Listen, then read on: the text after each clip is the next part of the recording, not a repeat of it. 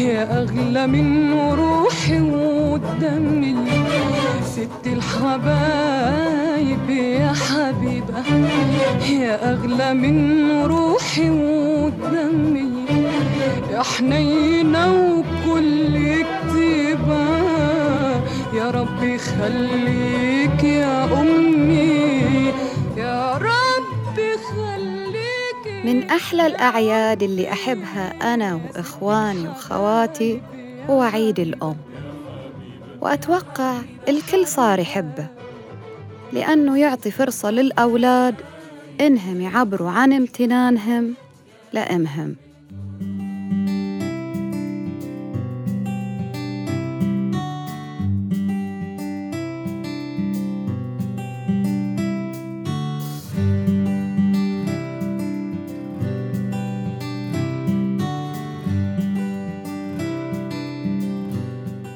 ومعاكم سوسن آل إدريس وبرنامج رحم الله والديك.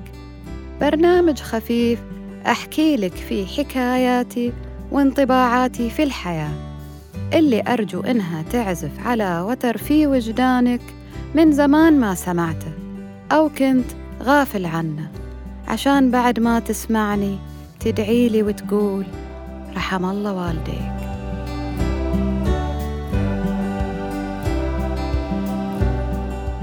طبعا لازم نرد على اللي يقولوا كل يوم هو عيد أم.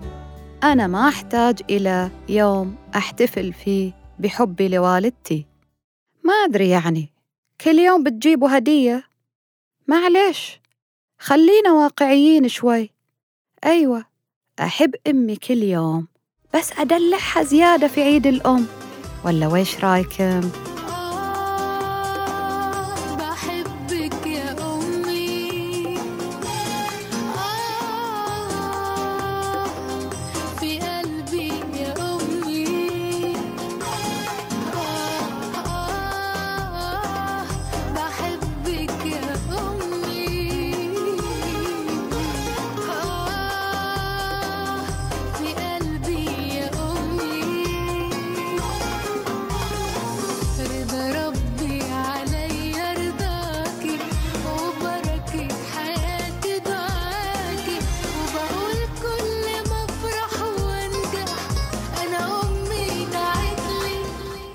المهم أنا حبيت في هالمناسبة إني أحكي عن علوي وخاتون أمي وأبوي مام and dad.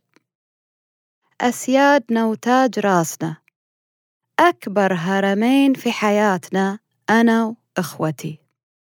لأنه الوالدة تموت في الوالد ولا ترضى نحتفل بيها من غيره. المخلوقين دولة. يكادوا يكونون أسطورتين وكنزين مخفيين من كنوز وأسرار هذه البسيطة.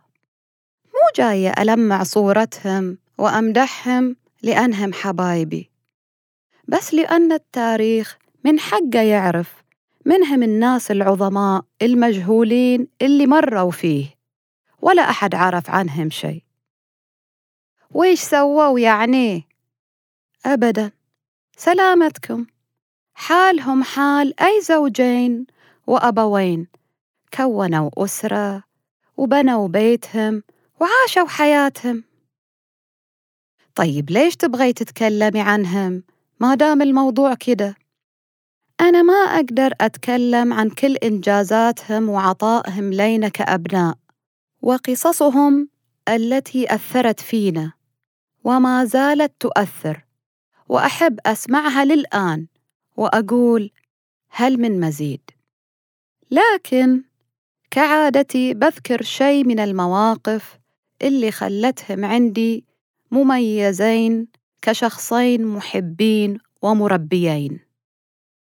من الحاجات اللي سووها لينا في حياتنا إنه لما بنينا بيتنا الجديد وده قبل ثلاثين سنة تقريباً كان في عندنا غرفة كبيرة في الطابق الثاني اسمها غرفة المعيشة. إحنا الوحيدين في البلد اللي كنا نسميها باسمها الحقيقي. وكانت فعلا غرفة المعيشة للعيش والحوار والأحاديث الشيقة لساعات. كانت مثل مجالس الأدباء والشعراء والمثقفين. بس بعفوية وبساطة وتلقائية. كان بابا يجي من العمل ومعاه مجلة سيدتي أو كتاب جديد أو مجلة Reader's Digest. لازم يكون عنده شي جديد لينا نقراه. وكانت غرفة المعيشة فيها مكتبة كبيرة مليانة بالكتب اللي ماما حرصت إنه تشتريهم ونشاركها في الشراء. في كل مرة يصير في معرض كتاب في القطيف أو من المكتبات المحلية اللي حوالينا. وكانت الغرفة دي مليانة نوافذ فالشمس تكون غامرتنها بالضوء والدفى. فكانت فعلا نور للبصر والعقل ودفى للقلب والروح. الغرفة دي كانت يوميا ما تخلى منه رغم إنها في الدور الثاني وما فيها تلفاز إلا يجمع العيلة ديك الأيام.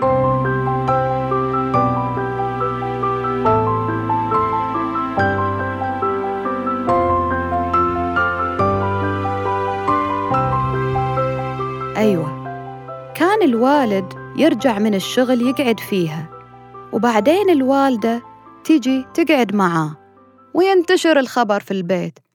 وين أمي؟ مع أبوي في المعيشة. ونبتدي إحنا نتراكض عشان نروح نقعد على داك الكنب. ونسمع أمي وأبوي وهم يسولفوا. المعيشة ما كان لها باب. كان لها بوابة على شكل قوس كبير مفتوحة للجميع. وكان مرحب فينا لما نجي عشان نشاركهم. الله على المواضيع اللي كانت تنفتح في مختلف الأمور. ما تتخيلوا. قد ويش أثرتنا وأثرت فينا؟ وكل واحد فينا أمه وأبوه تركوا بصمة جميلة في حياته لازم يشكرهم عليها ويبان أثرهم الجميل في أخلاقه وأعماله. عشان الناس لما تشوفك أو تذكرك تدعي لك وتقول رحم الله والديك.